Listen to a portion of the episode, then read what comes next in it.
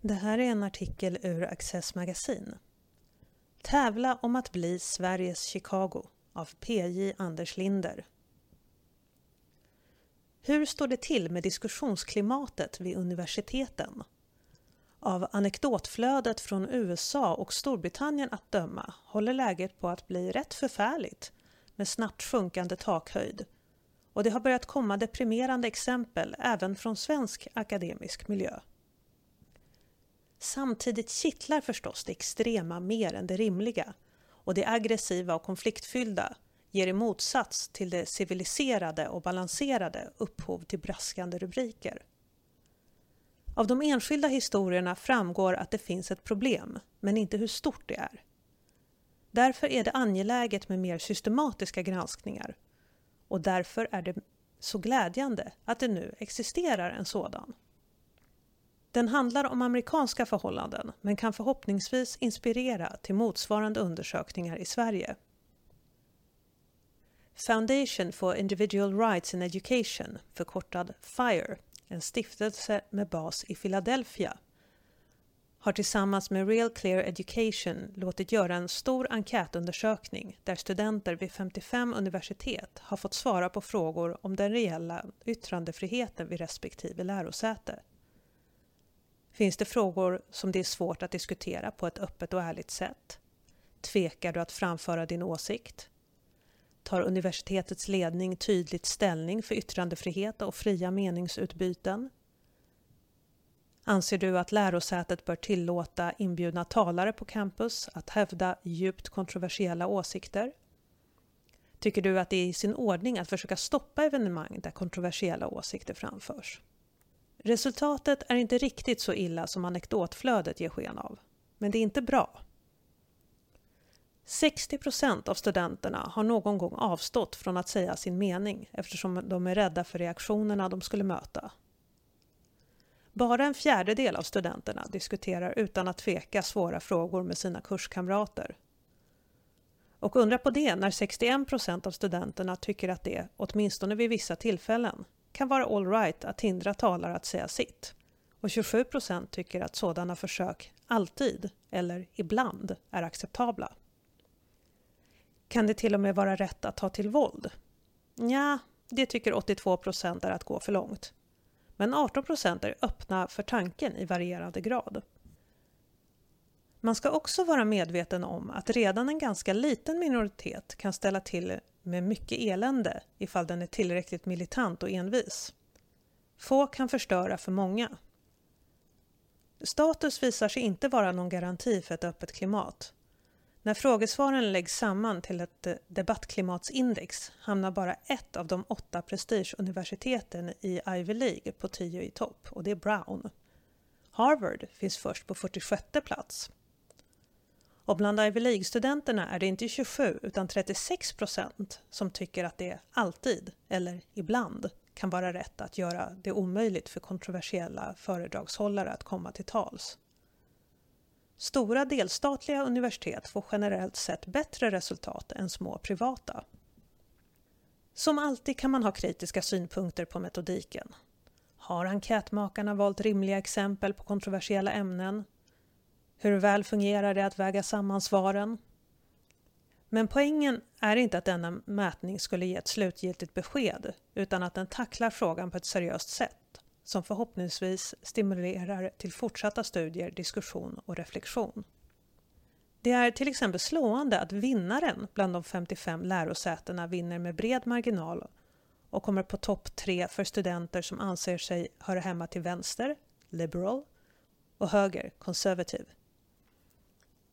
Denna vinnare är University of Chicago som också målmedvetet har profilerat sig som ett öppet och diskussionsvänligt universitet. För sex år sedan tillsatte rektorn Robert J. Zimmer en kommitté om yttrandefrihet och denna formulerade ett dokument som blivit känt som The Chicago Statement och som ett antal lärosäten därefter har anslutit sig till. I dokumentet citeras med gillande den tidigare rektorn Hannah Holborn Gray. Utbildning bör inte vara avsedd för att få människor att känna sig bekväma. Den är avsedd att lära dem att tänka. Och kommittén fortsätter. Det är inte en rimlig uppgift för universitetet att försöka skydda individer från idéer och åsikter som de finner ovälkomna, otrevliga eller ens djupt stötande.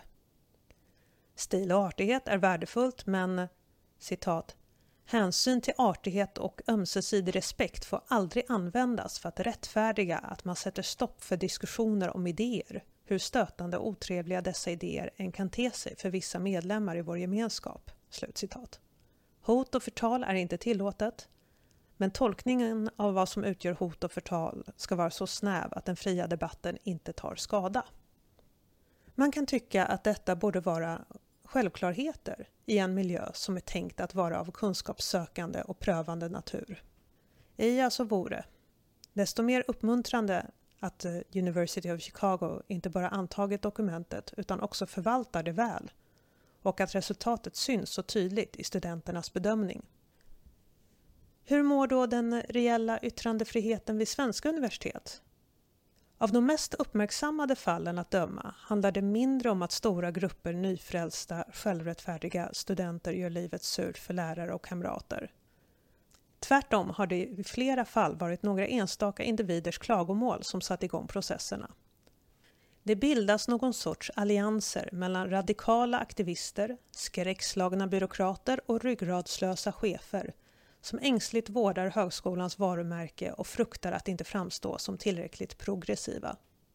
För det tycks inte vara alla kontroversiella åsikter som sätter fart på det repressiva maskineriet.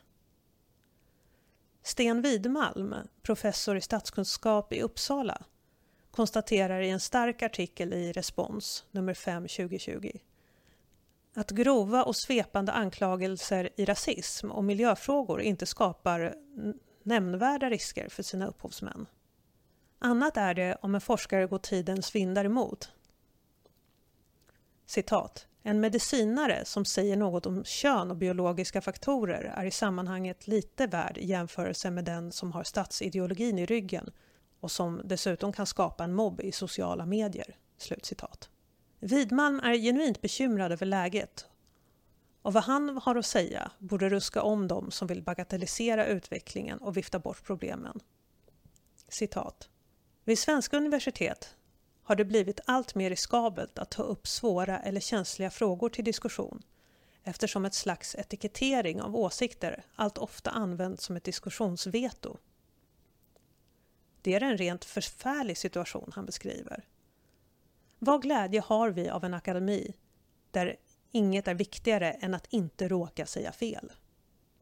Hur långt har det då gått? Det skulle vara mycket intressant om undersökningar som FIRES kunde göras även hos oss. Och då inte bara av studenternas syn på saken, utan också lärarnas.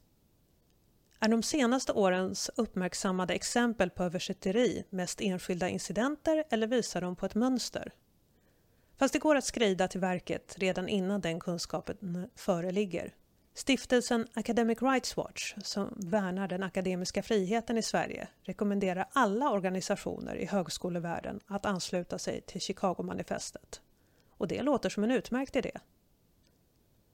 Ännu bättre vore om lärosäten själva tog initiativ för att i ord och handling understryka hur fundamentalt det är med högt i tak och ett öppet diskussionsklimat där man inte behöver väja för de svåra och laddade frågorna. Jag skulle bli mycket glad om min alma mater, Lunds universitet, som tyvärr blamerat sig vid mer än ett tillfälle, gick i bräschen. Men skulle något annat universitet hinna före må det vara hänt.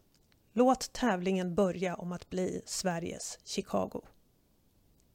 Du har lyssnat på en artikel ur Access magasin. För fler artiklar, Access TV och podcasts gå in på www.access.se eller följ oss i sociala medier.